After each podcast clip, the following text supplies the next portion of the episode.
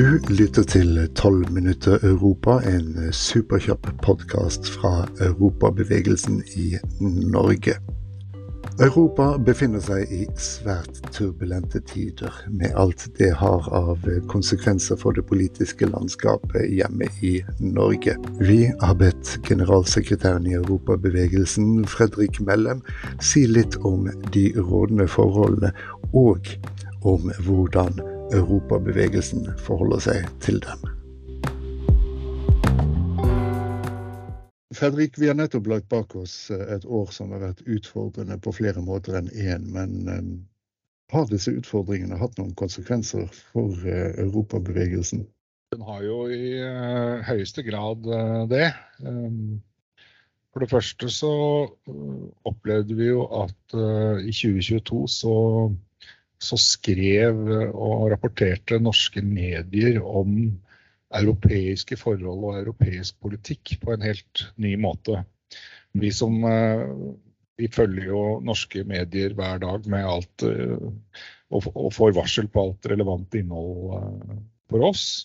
Og det vi så før krigshandlingene startet i Ukraina, var jo at i årevis hadde det vært slik at det vi fikk varsel på, det var enkelte lederartikler i avisene enkelte kommentarartikler, og så var det debattstoffet i eh, alt som er av norske aviser.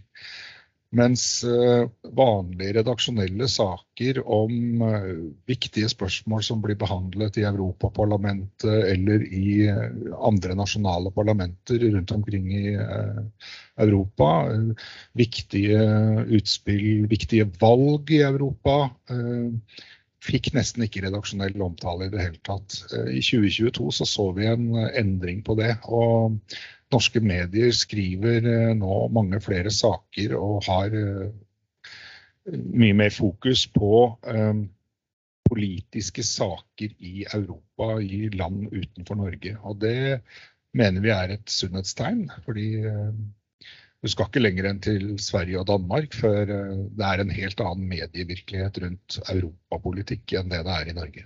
Nå har jo verken EU eller EØS-landene vært eh, direkte berørt av, av, disse urolighetene som preger nyhetsbildet hver eneste dag.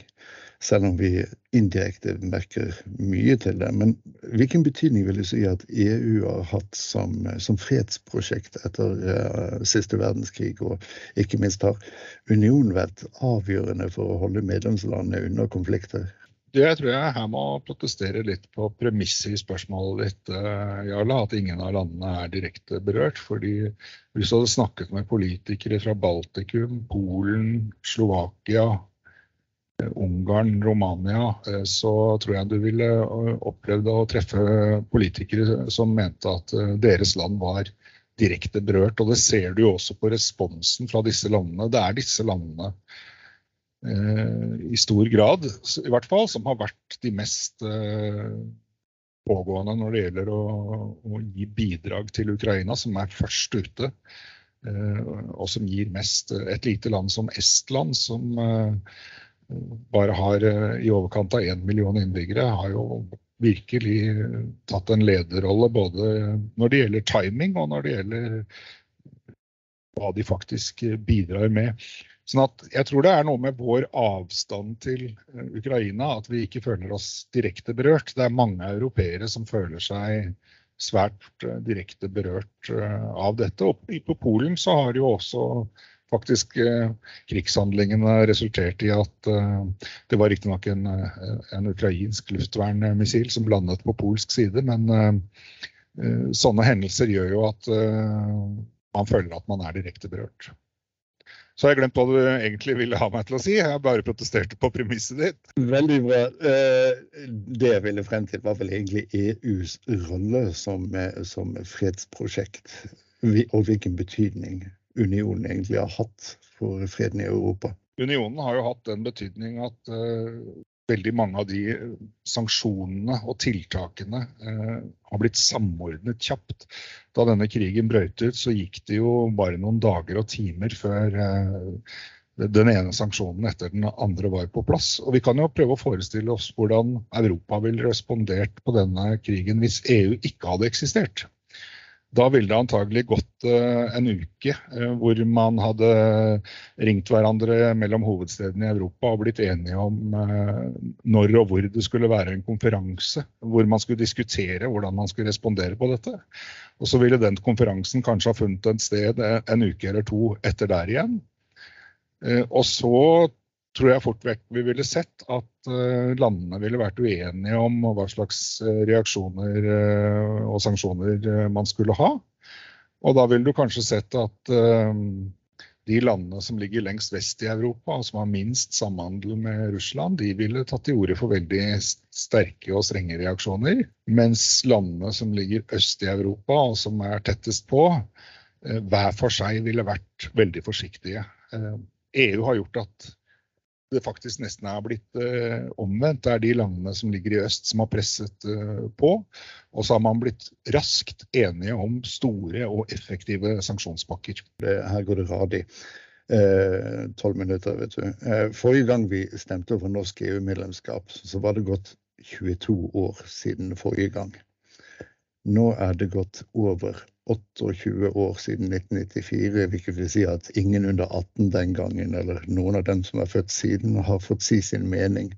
Jeg tror vi har regnet på at ingen under 47 i dag har fått uh, si sin mening om norsk EU-medlemskap. Begynner det å nærme seg en omkamp nå, Fredrik?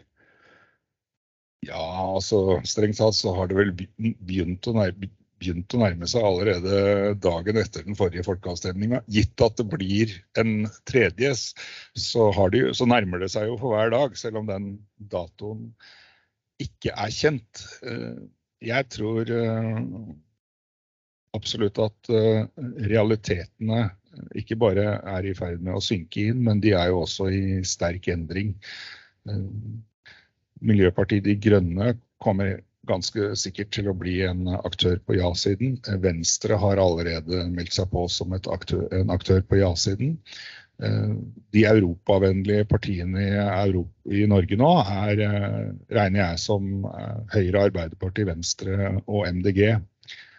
Og for dem som syns at det er en litt rar koalisjon, så vil jeg si at det er den andre koalisjonen som er rar, med Rødt og SV, Senterpartiet, Fremskrittspartiet, Demokratene og egentlig alt som kan krype og gå av små særinteressepartier på utsiden av, uh, utsiden av Stortinget, som, er, uh, som ikke syns på meningsmålingene. Der er det mye sterke EU-motstandere. Um, Sverige og Finland blir medlem av Nato. Uh, det virkelighetsbildet som SV har tegnet i mange år, er ikke mulig å tegne lenger. Det ser man også på at de reorienterer seg nå i, i sikkerhetspolitikken. Partileder Audun Lysbakken artikulerer seg på en sånn måte at det høres ut som han nesten bare hopper over det siste avsnittet, som skulle handle om EU.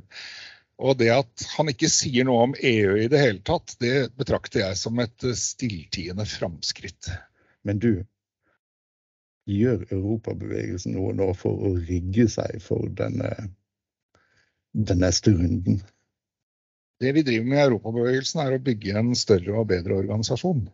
Og det kommer vi til å fortsette med, helt uavhengig av spekulasjoner om når den neste folkeavstemninga kommer. Vi er nå blitt dobbelt så store som vi var for fem år siden. Men vi er jo fortsatt en altfor liten organisasjon som burde være minst tre ganger så stor som den er i dag. Og det er altså ingen endring i hva vi tenker om det. Det viktigste politiske og organisatoriske og for den saks skyld også økonomiske målet er å bli en større og bedre organisasjon. Den utfordringen får bare de som hører på, kanskje ta. Ehm, jeg vet ikke, jeg. Våger du å komme noen eh, spådommer for, eh, for eh, det nye året? Og om hvordan europabevegelsen kommer til å se ut eh, når vi går inn i et nytt år, i 2024? Ja, altså det siste du spør om der, det følger jo i forlengelsen av det siste jeg sa. Eh, om et år, Ved utgangen av dette året så er vi en større og bedre organisasjon enn det vi er eh, nå. Men når det gjelder de omgivelsene rundt oss, så er ikke jeg noen militærekspert. Men jeg noterer meg jo at Russland ruller fram bare eldre og eldre utstyr, mens Ukraina får stadig nyere og mer moderne utstyr fra Vesten. Så jeg håper jo at uh, 2023 er uh, Når vi går ut av 2023, at konflikten i, i, Ukraina er slutt. Men jeg er moderat optimistisk. Fredrik, tiden ser ut til å være omme her. så jeg tror jeg sier tusen takk for, for praten. Og tusen takk til alle som hørte på.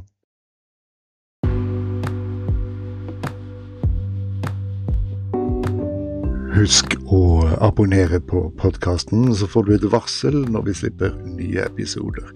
Og ikke glem å følge europabevegelsen i de sosiale mediene, for eh, som vi alle vet, det kan aldri bli nok Europa. Og for all del, del gjerne podkasten med alle du kjenner. Samme hvor du bor i landet, kan også du melde deg inn i europabevegelsen. Besøk eh, europabevegelsen.no, og bli en del av alt det spennende som foregår i disse brytningstidene. der når det.